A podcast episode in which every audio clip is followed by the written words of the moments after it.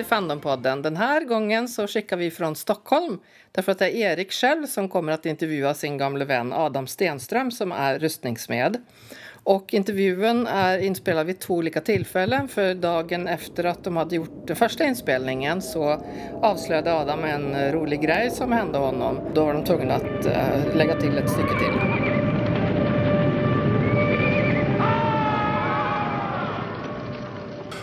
Och idag så tänkte jag prata om när, eller jag, vi ska prata om när ens fanneri kan leda till ett yrke. Japp. Och eh, med mig idag har jag min vän, Ja. barndomskamrat och arbetskollega Adam som jag träffade för alldeles för många år sedan. ja. Hej på er allihop. Så där låter Adam. Och eh, det är så här att i fandomvärlden så börjar man ofta med, man vill gärna uttrycka sig för sitt intresse när det gäller eh, fantastik, fantasy, skräck eh, med mera. Och eh, då kan man göra det som många gör i fandomvärlden, man, eh, man eh, skriver. Men man kan också göra andra uttryck som till exempel man kan måla, man kan sy kläder. Och i Adams fall så började du göra rustningar. Yes. Och i vanliga fall skulle jag säga, hur började det? Men det roliga är, jag var där Ja. när det började. Vi började samtidigt typ. Vi började samtidigt. Och, men som vanligt så började det med litteratur för du och jag eh, höll på med en skapelse av en man som heter Gary Gygax. Jajamän. Och vi spelade kopiösa mängder Dungeons and Dragons, Advanced Dungeons and Ja, Dragons, till och med. under, och då ska jag inte säga timmar, för vi spelade i dygn. Jag Mm. Det tror var nog längst, minst 12 timmars pass i alla fall. Brukade det vara. rekordet var 36 tror jag någon gång. Mm. Och sen en dag så sa du till mig, det finns ett par snubbar som gör medeltida rustningar och bankar på varandra i var det? Högdalen. Högdalen. Och då sa du, ja, du sa vi måste åka och titta på det där. Och då Mm. Absolut. gjorde vi det. Ja.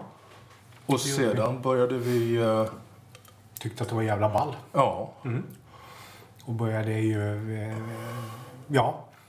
Vi visste ju inte riktigt hur man skulle gå tillväga så med kläder och sånt där. Förutom Nej. man visste ju ungefär hur de såg ut efter alla tentfigurer man har sett och, ja, och så.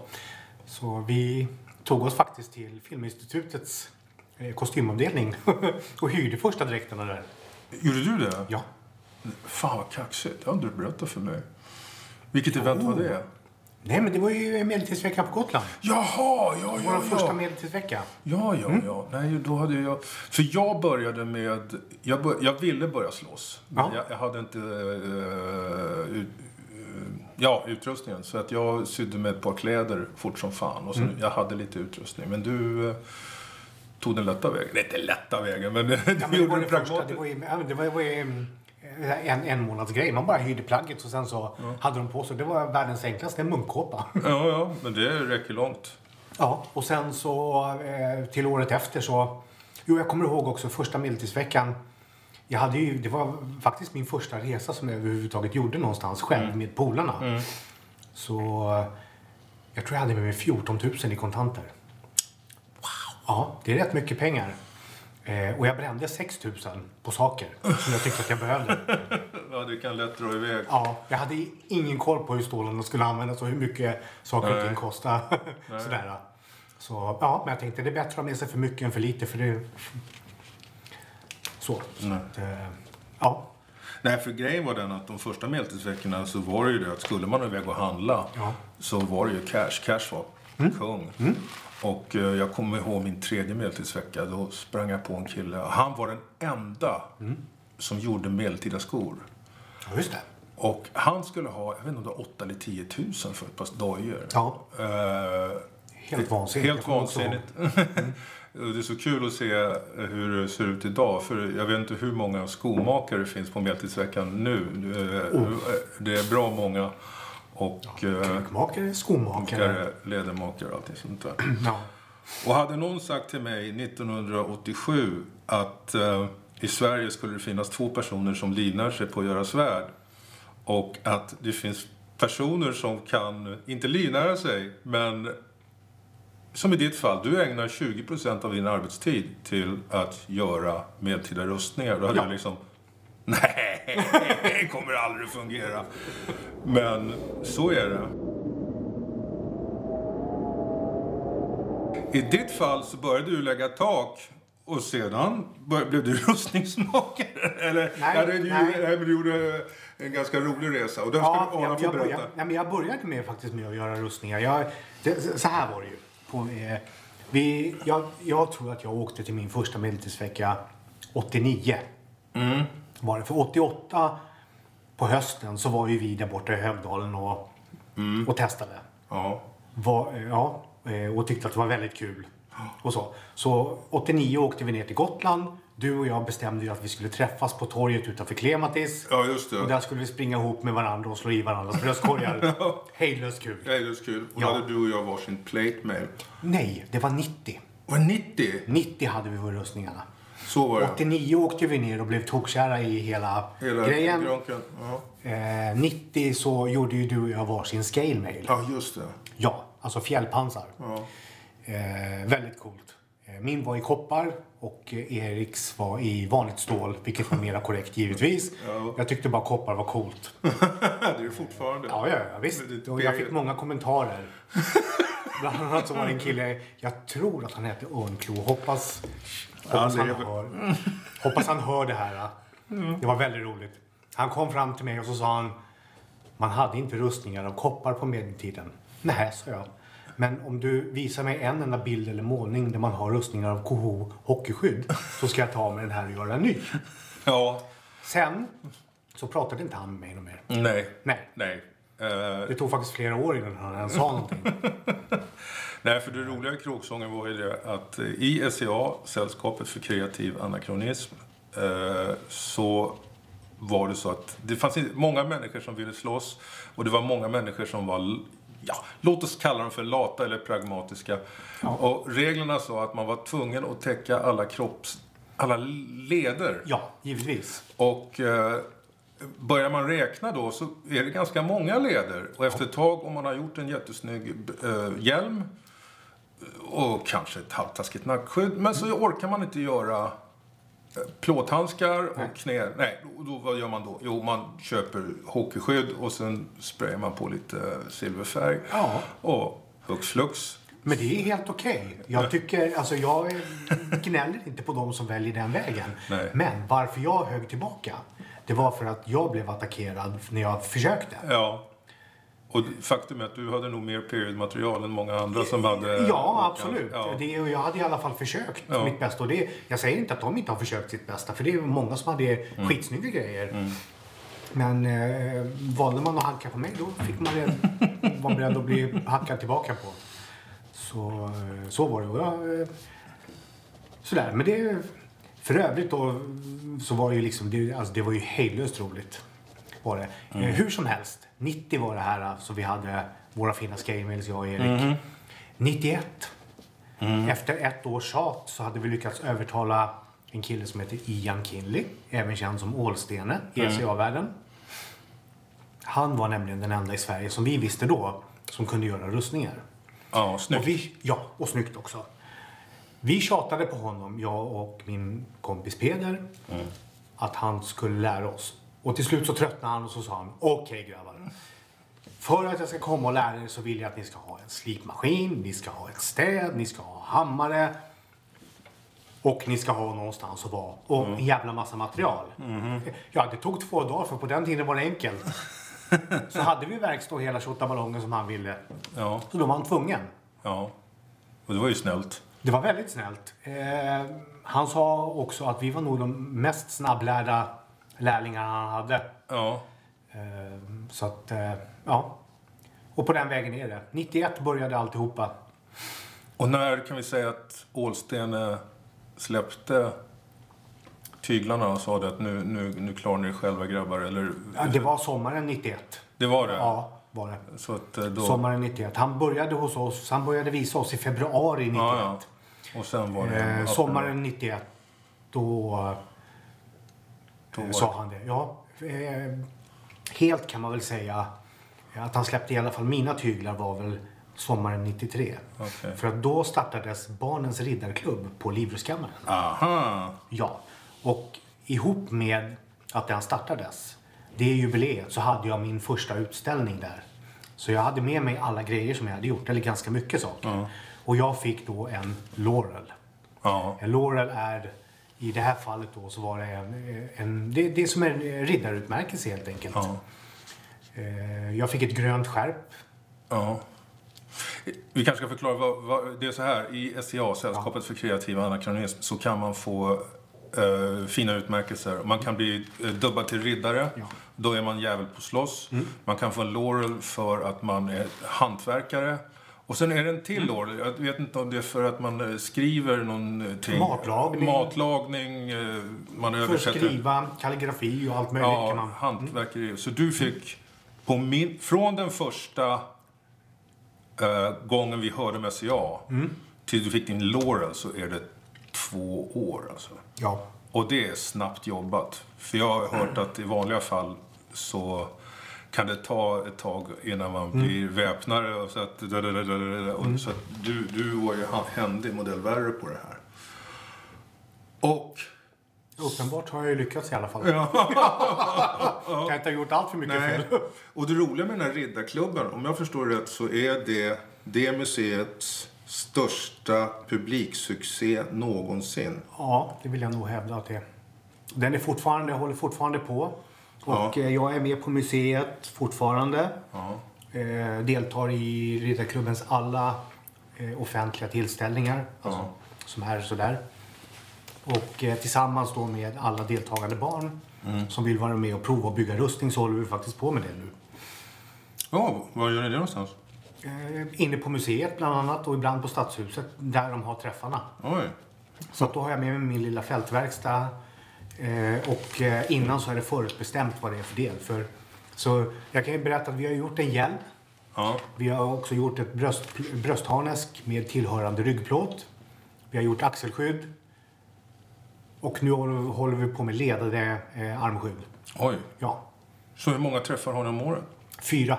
Wow. Ja. Ja, det, är, det är mycket för man ska kunna eh, göra det där. ja. Men sedan så blev det här plåtslageriet. Hur, sen, började du med plåtslageri på eh, Ja, yrket. det, ja precis. Eh, eh, Jag vart ju arbetslös och fick frågan på Arbetsförmedlingen. Har du några bra hobby som du kan ta tillvara på? Ja, tänkte jag. Vad fan. Det har jag väl. Jag kan ju... Jag är ju rätt hyfsat bra på metall så... Ja, det kan jag ju. Jaha, metall. Ja, men då kanske du kan bli... Kan du byggnadsplåtslageri? Ja, sa jag då. För jag tänkte, kan jag få ihop en rustning kan jag nog lägga lite plåtar på ett bygge. Ja. Det ska nog inte vara så avancerat. Precis. Och där började min bana som takplåtslagare.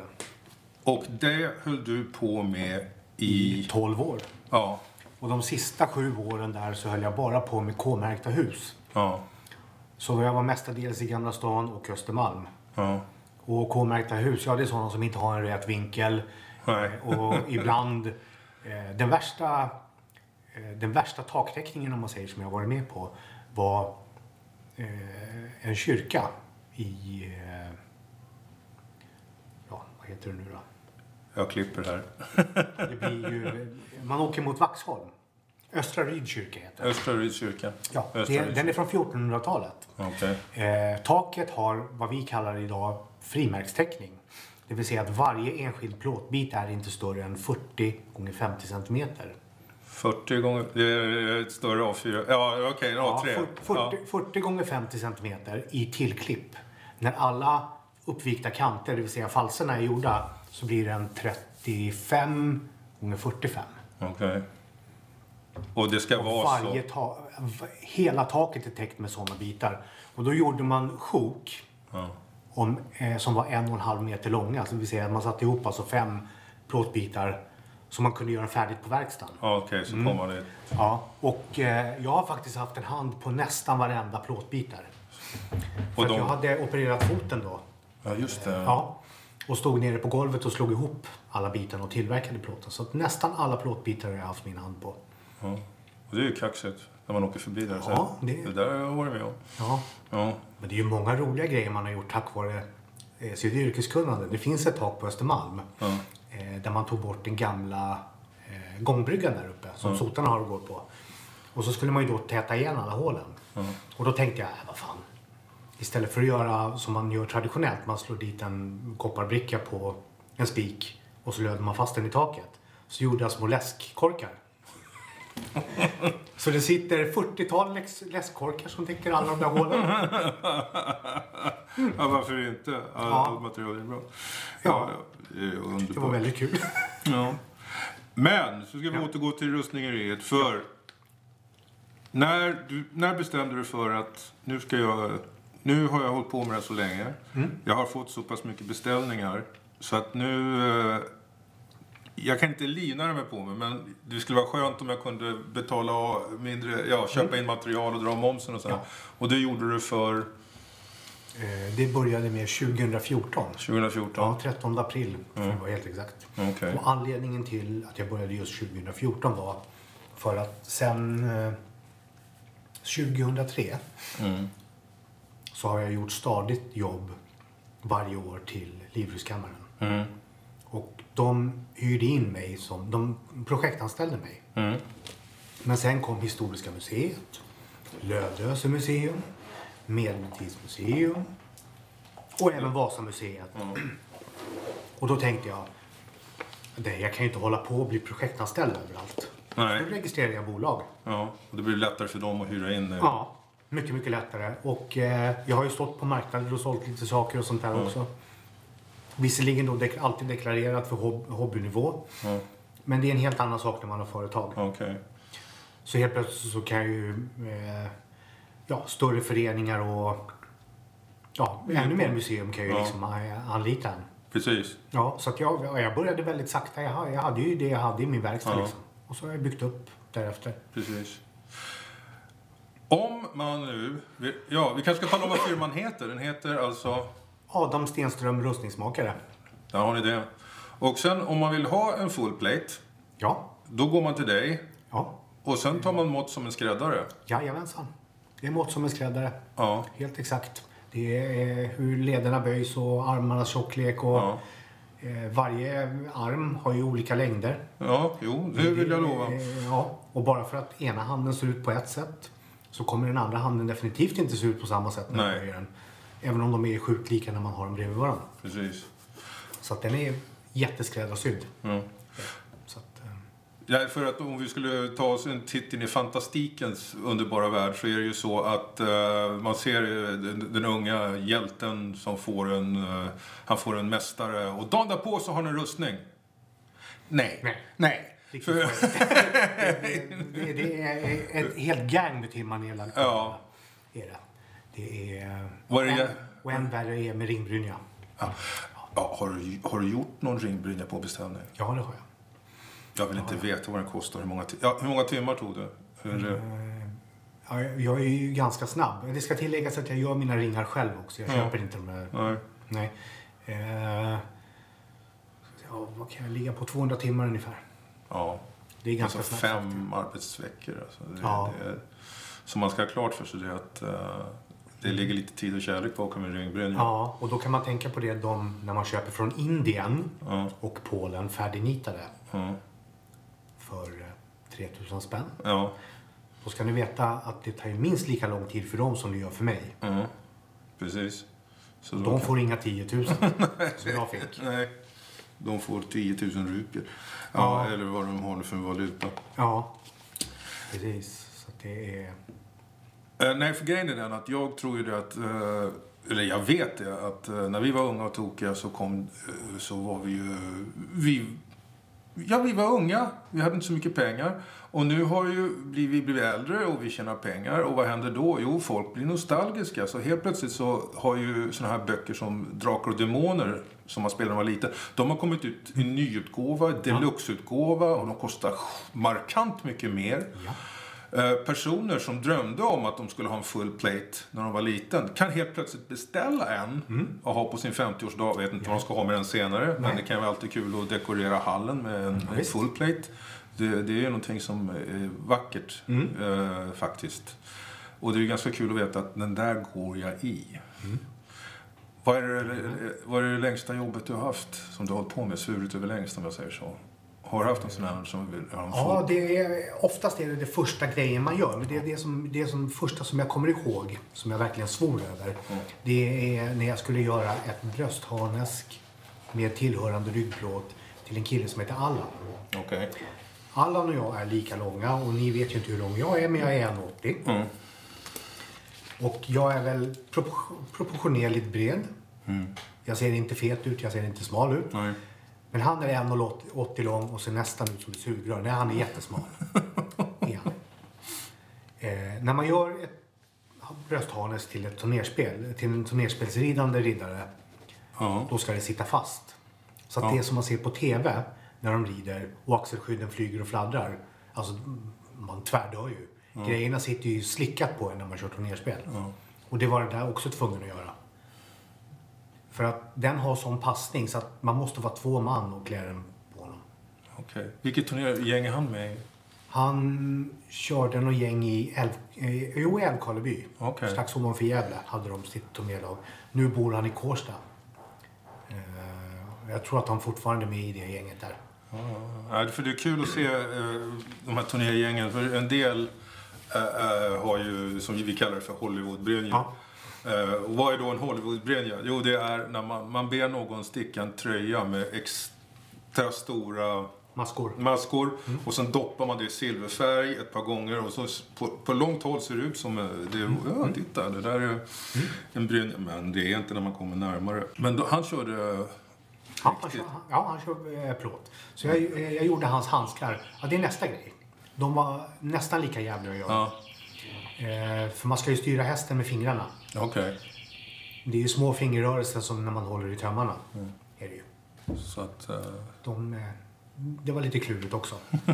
Då inser jag hur, hur fantastisk eh, människans hand är.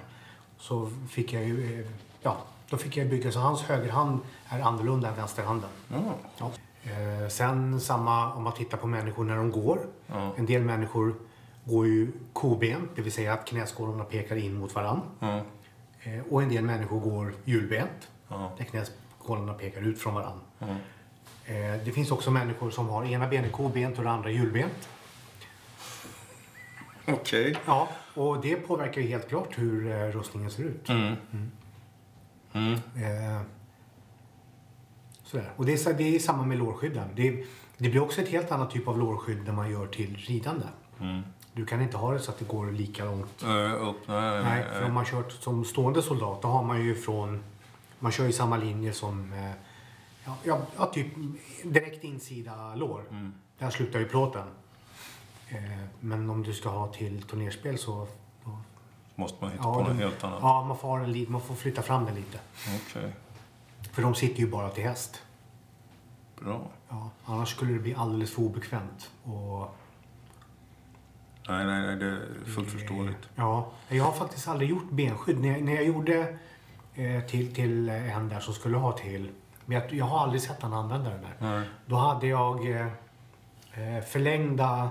Eh, alltså, du, du, har ju ett bröstharnesk. Sen så har du ju bukskenor. Det är de här rörliga ja ja ja lamellerna som går ner. Nedanför bukskenorna så sitter ju tassetter. mm. Tassetter är de som hänger ner över låren som t- täcker glappet mellan lårskydd och bröstharnesk. Förlängda tassetter som man hade på slutet 1500-tal, 1600-tal hade man sådana. Ja, så, sådana har jag gjort. Mm. Till en som sitter till häst. Men jag tror inte att han använt, jag tror inte han har använt den nej nej nej Ja, det är sånt Tyvärr. Tyvärr, det är sånt som händer. Mm. Jag tänkte vi kanske skulle prata några myter om rustningar. Mm. För det var ju så jäkla kul när vi spelade Dungeons and Dragons. För där var det liksom, kunde man säga, eh, om man hade någon tjuv med sällskapet. Mm. Så jag smyger in i rummet. Och så sa ja jag smyger efter. Nej, Nej. Nej. Det, eh, eh, det, jag springer i den smala stentrappan.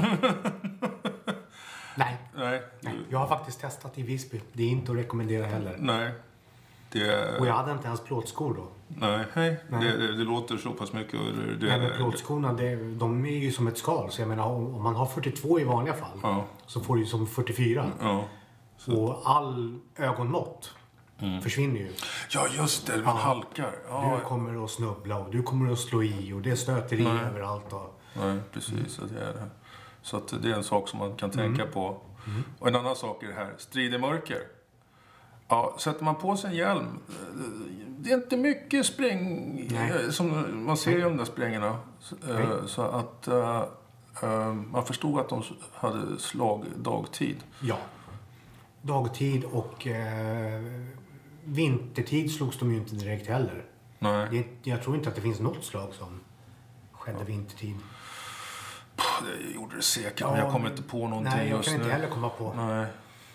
Eh, allting blir mycket bökigare vintertid Mm. när man ska ta sig fram. För det är ju det är inte, bara, det är inte som idag liksom. Vi hoppar in i bilarna och åker Nej, nej, nej.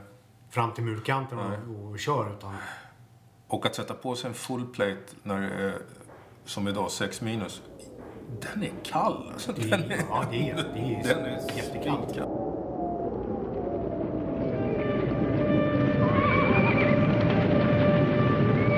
Eh, Vi säger nu att du får en kund Mm. som eh, har drömt om och eh, han vill ha en full plate. Ja. Och han vill ha, packa upp den på sin 50-årsdag, säger vi. Mm. Hur lång tid i förväg ska han kontakta dig? Det är bra med ett par månader. Två månader innan. Det är det. Absolut. Så det tar inte längre tid faktiskt att göra Nej. en, en schysst eh, full plate. Nej. Ja, men det är bra. Det Det är, men som sagt, jag har ju hållit på ganska många år och har, eh, Du har alla mal- mal- mal- mallarna klara. Och, Ja. ja, för det var en sak som jag kom på. Ja. Hitta bra mallar. mallar är ju jättesvårt. Det Han- Nej, för jag kommer ihåg när jag fick när jag, min första riktiga vettiga mall. Det var för, för att göra armbågsskydd. Och när jag fick se den första gången så var jag så här, ska den se ut så här? Det var verkligen så här aha-upplevelse.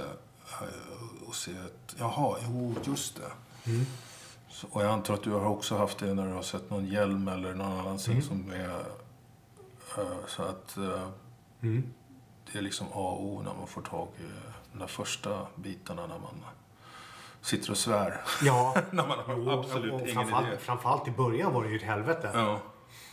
Jag eh, fick ju utav eh, min läromästare och Ålstenen Mm. fick jag eh, mallen till tunnhjälm. Det är den hjälmen som man har i Ivanhoe-filmen. Ja. Eh, och eh, jag tänkte ju, ja ja, nu har han varit så smart så nu har han förgjort alla hål. ja. Nej. Det hade han inte. Av förklarliga skäl. Ja.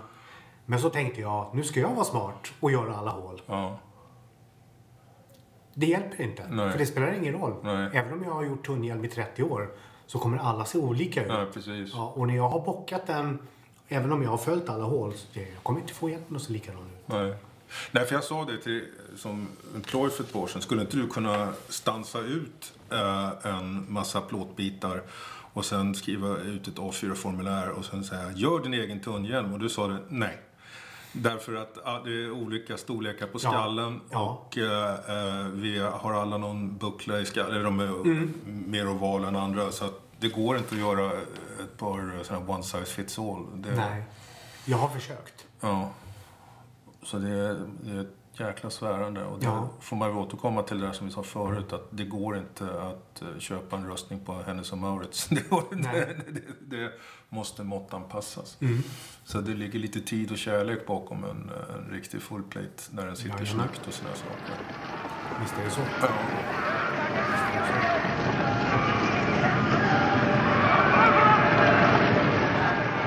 Om man skulle vilja börja med eh, rustningsbygge själv, Mm. finns det några bra böcker du kan rekommendera?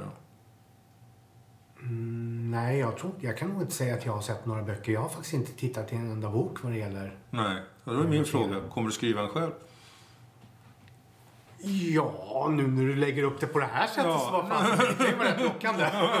Hur bygger du din egen En rustning? Nej, Ja. ja, nej, för att man kan ju gå ut på Youtube Ja. och, och, eh, och se hur man gör. Men oftast så är det, man ser killen, ja jag gör så här, så gör så här, så gör man så här. Och så är det ett litet moment, nu! Vad fan Ja. gjorde du där? ja. Och att han, han knucklar till lite med en tång där. Eller, Ja. och och eh, det, skulle, det är ganska skönt att gå och titta i en bok. Använd det här verktyget när Mm. du gör det här och här och här.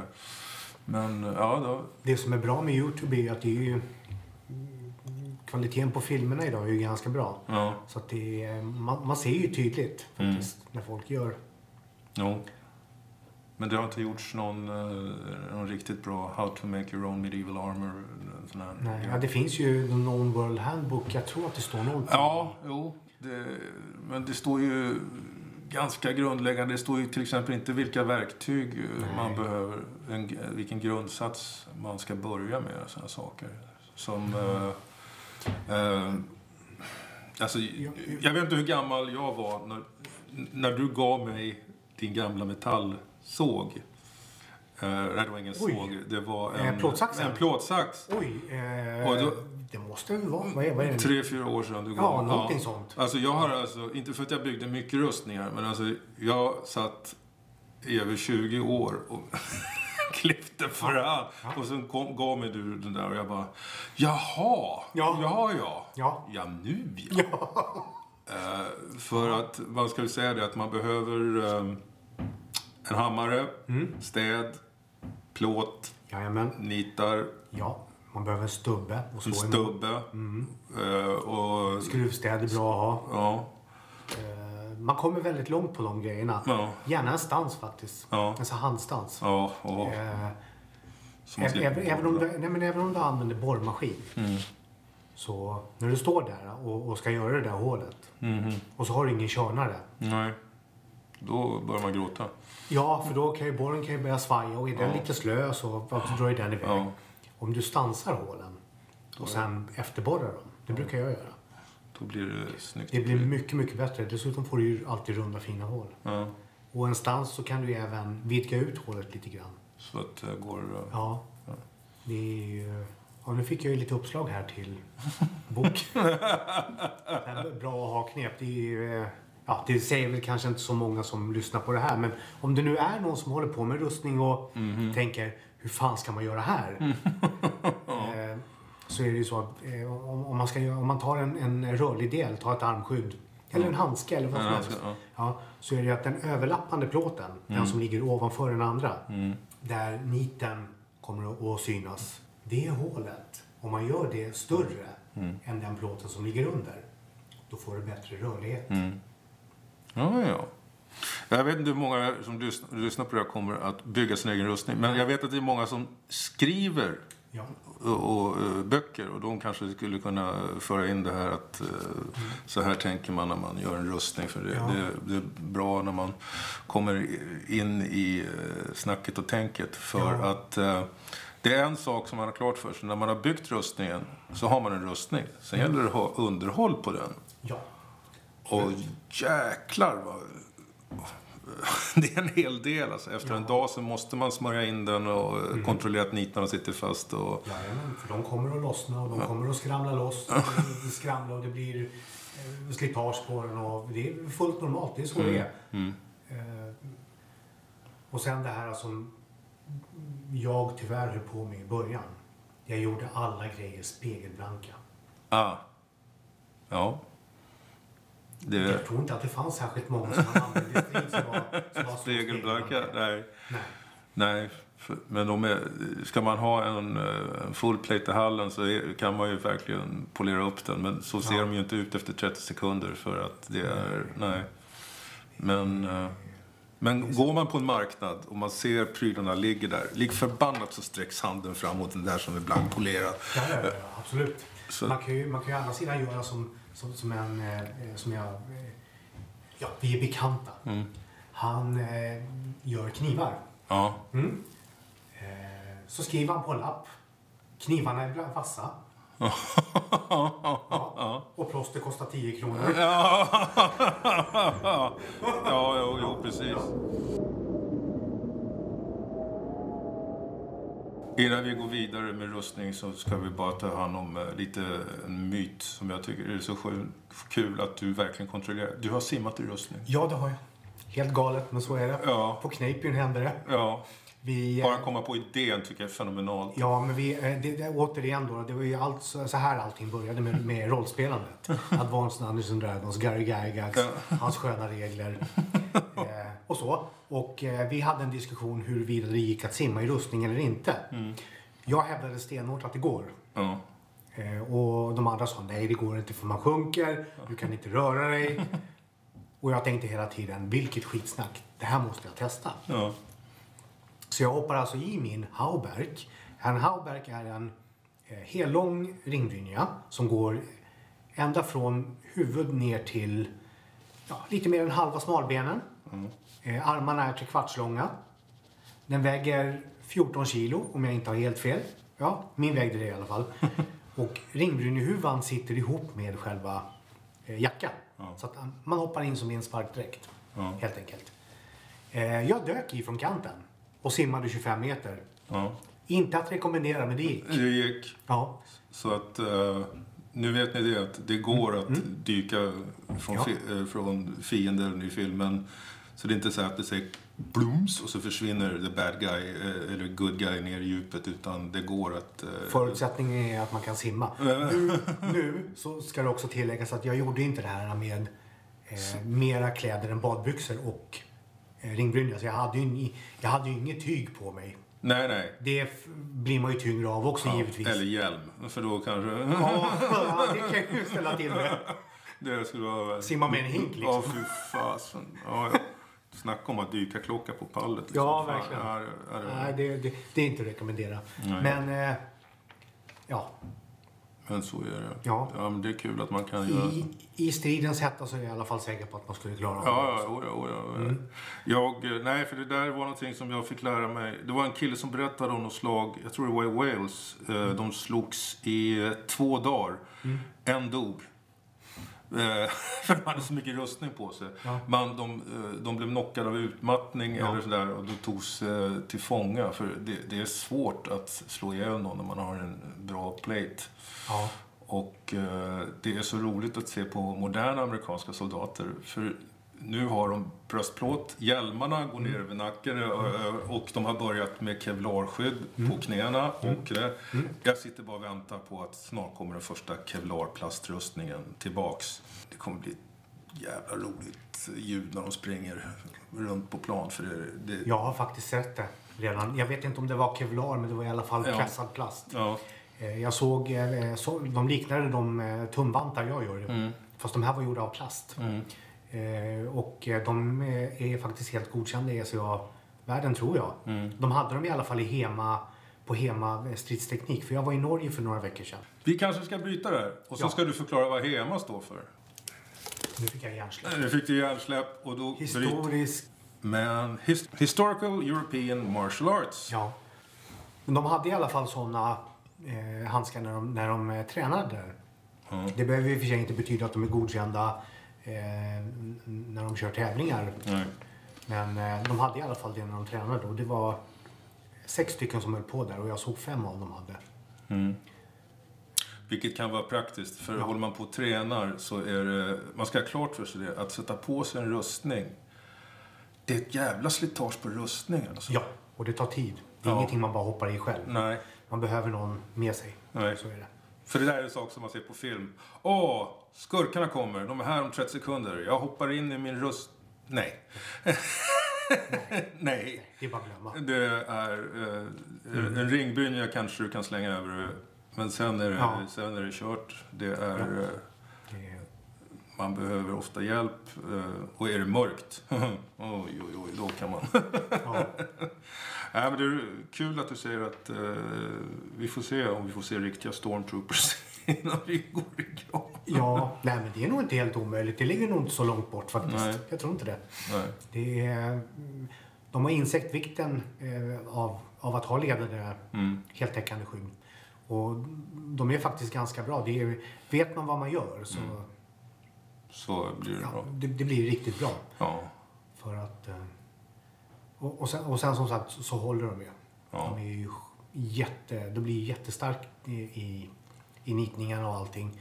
Det värsta är väl, alltså det är en sak om man använder svärd och hugger.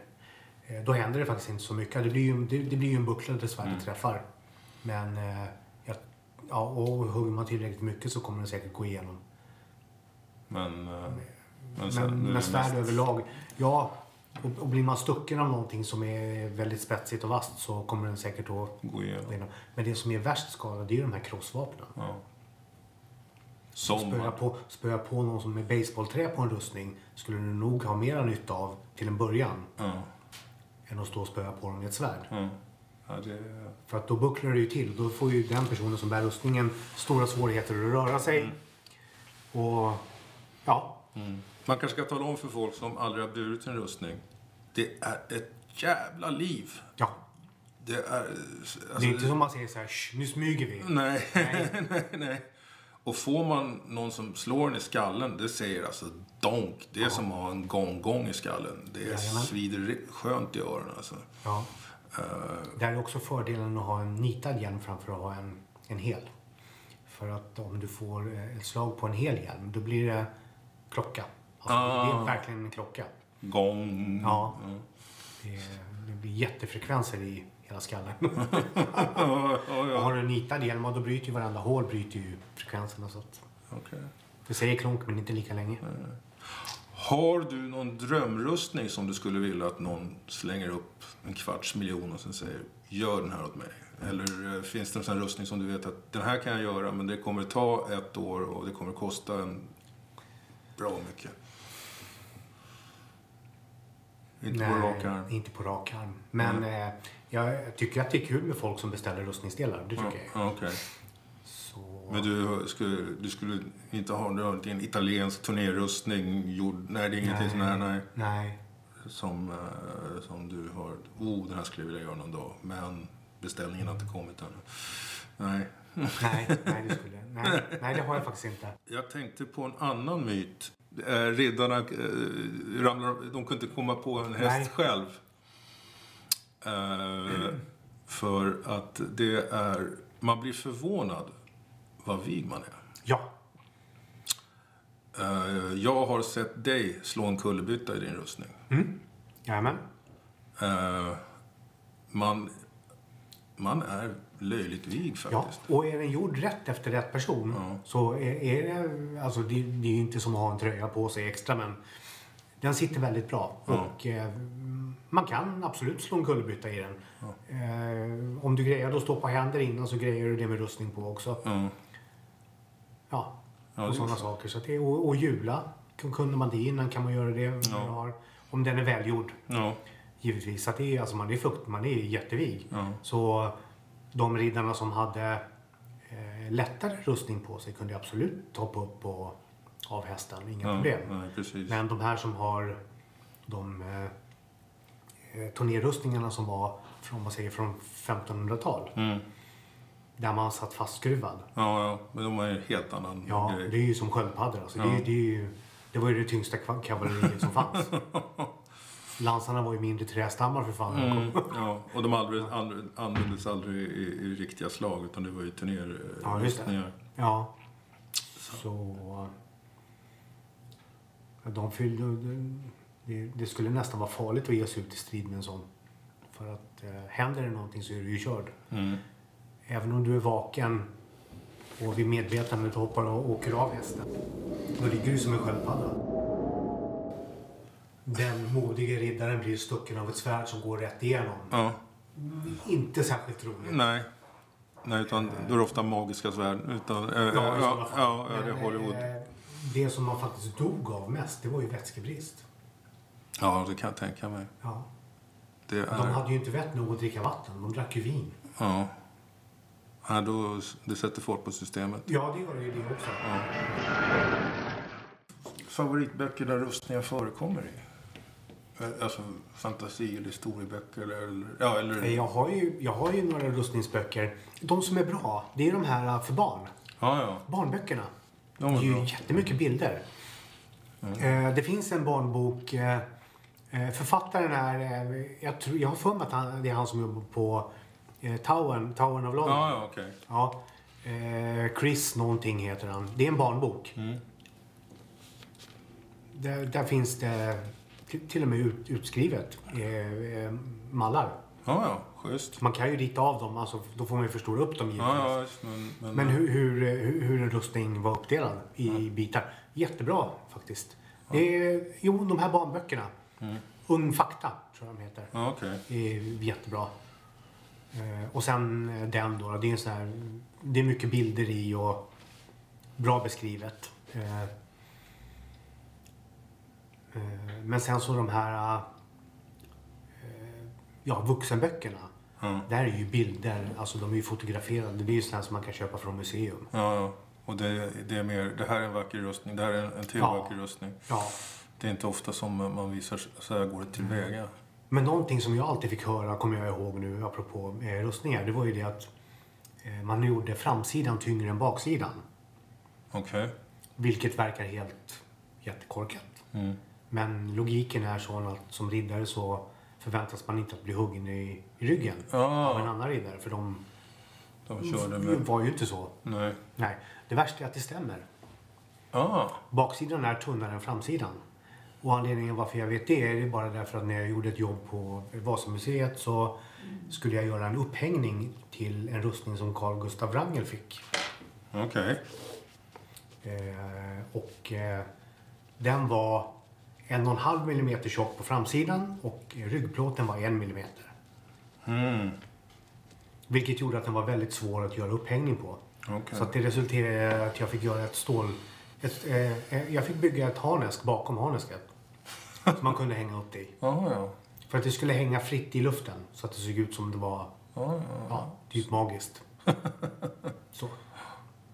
Var kan man se dina prylar om man vill gå och beundra Adam Stenströms verk Om jag, just nu? jag har ju ingen hemsida tyvärr. Nej, nej, nej, men eh, jag tänkte på något museum eller eh, är de Eh. utställda just nu? Jag har ju lite grejer på Livrustkammaren fast det är rätt kört för de håller på att bygga om där. Ja. Ja, nej, de skulle ändra grundutställningen. Ja. Så att de har ju, museet är ju fortfarande öppet. Men de har nere där de har alla hästar och vagnar. Där nere har de en liten, Mm. ett showroom kan man väl säga. Men eh, ja, där har jag ju, inne på Livrustkammaren så fanns det ju grejer som jag har gjort. Mm. Ja, det, det, Det är Livrustkammaren och sen får man gå och beundra kyr- kyrktak i Stockholm. ja, det är- Polishuset. Ja, jag har ju reparerat lite grejer som finns på historiska. Mm. Vad är nästa stora grej som du kommer bygga tror du, till ett museum? Har du något projekt på gång som du vet att det här... Ja, men det, det kan jag inte avslöja faktiskt. Ja. Jag får inte säga. Det är lite att hemligt. Det, det ingår i den nya utställningen. Så att det, Ja, ja, ja, ja, jag var glad när jag fick frågan. Så, Det är alltid kul att bli tillfrågad. ja.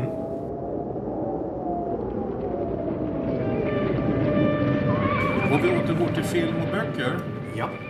Vilken är den eh, bästa rustningsfilmen i ditt... eh, om du, ur din synvinkel? För jag kan säga på, jag tycker att Excalibur fångar känslan av att så här svettig och skitig och jävlig är man när man slåss Ja. i rustning. Ja. Och man står och dunkar på en person och det händer ingenting för han har plåtrustning på mig. Ja. Sen är det ju det att Excalibur är, eh, utspelar sig på 300-talet, någonting sånt där. Och de har 1300-tals turnérrustningar. Så där spricker den drömmen. Den, den filmen är bra. Eh, Det håller jag med om. rustningssynpunkt. Ur rustningssynpunkt. Eh, det finns också en när... Sean Ark. Sean Ark. Jaha, Ja. den har inte jag sett. Den går jag och titta på. Den, eh, Eh, den som var... fransk, antar jag. Ja, det, det nej, jag. med, med hon Mila Jovovich. Ja, ja, ja. Jo, men den har Ja, jag. ja. Där är det mycket rustningar och de... Eh, där får man också... Där kommer det fram hur jäkla jobbigt det är. Ja. Det är... Ja, ä- även om de var skräd, skräddarsydda hyfsat så Ja. det är i alla fall jobbigt att gå omkring i. Ja, jag har gått i full plate en hel dag och man är inte särskilt stödig efteråt. Nej. En annan sak som jag märker i, i filmer och böcker som inte eh, tas upp, det är eh, rustningsbett, som man kan säga. Ja. Det, ja. Det har jag aldrig heller sett på film när någon tar av sig. Rustning, nej, fan vad det svider skönt. Och det är alltså när huden eh, ramlar emellan de här lederna grejerna. Mm. Och satan vad det kan nypa till. Man får ett tjuvnyp som inte är av denna värld. Ah, det gör så jävla ont. Det är läderremmarna har spänt fast. Ja. Sköldarmen, sköldarmen sitter ju alltid fast. Ja. Den, eh, kommer ju inte, den rör ju inte så värst mycket. Nej. Däremot svärdsarmen, Alltså du borde ju vara blå. Även om du har en vadderad jacka som sitter. För du, man har ju ett väck där i. Ja. Ett öppet väck. Och där sitter läderremmen och, och, och, och gnider. Så fort som du hugger så. Så när man ser hjälten tar av sig rustningen. eh, Och hans eller hennes vadderade jacka är alltid lika glänsande och fin som den var i början. Så vet man att det är film. Ja, för i vanliga fall så stinker... Alltså man står inte ut med doften av sig själv när man tar av sig. Åh, och sen är det de här underbara rustningsbetten som man har, ofta har i leder. Så att eh, Ja. eh, man... Eh, oh, vad det svider skönt. Jaha. Får man, får man även fast man har rustning.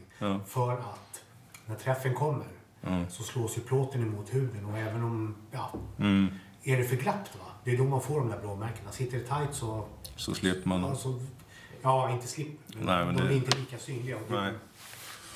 Nej, det är skönt. Om en regissör kom med ett manus till dig Ja. och sa det att vilket skulle vara drömmanuset för dig? Och säga, kan du göra hundra rustningar till den här, den här filmen? Ja, då, då hade jag nog tuppat av. Ja, men, men Det vilken, skulle ju vara hur coolt som helst. ja, men Alltså, vilken, vilken, vilken, vilken era skulle du... Vi kan säga så här, vilken skulle vara roligast att göra? Vilken skulle vara mest praktisk att göra?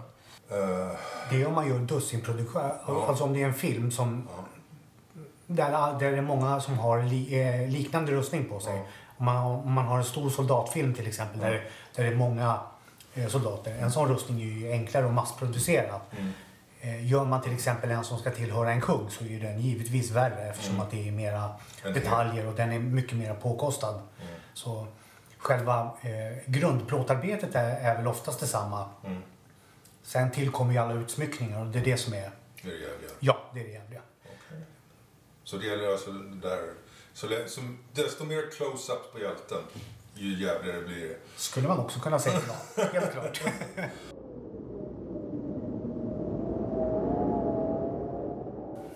ta del av hur jävligt det kan vara att vara rustningsmed. Och Ja. det kan vara också. Ja, absolut. Ja, och vill de gärna komma och titta så kan de ju komma och, på några av marknaderna som medeltidsmarknaden och även vikingamarknaden. För jag brukar med min lilla fältverkstad och stå och bygga saker på plats bara för att folk ska se att det inte är någonting som är köpt Nej. och som är säljs vidare utan det är faktiskt jag som gör grejerna. Här kommer den andra delen av intervjun.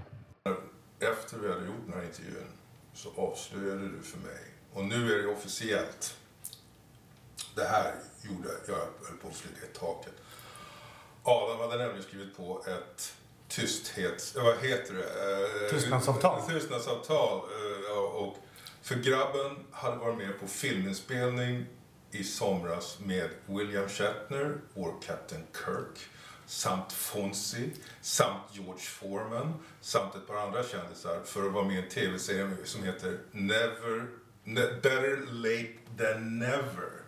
Och där åkte de till Birka för att prova på att vara vikingar en dag.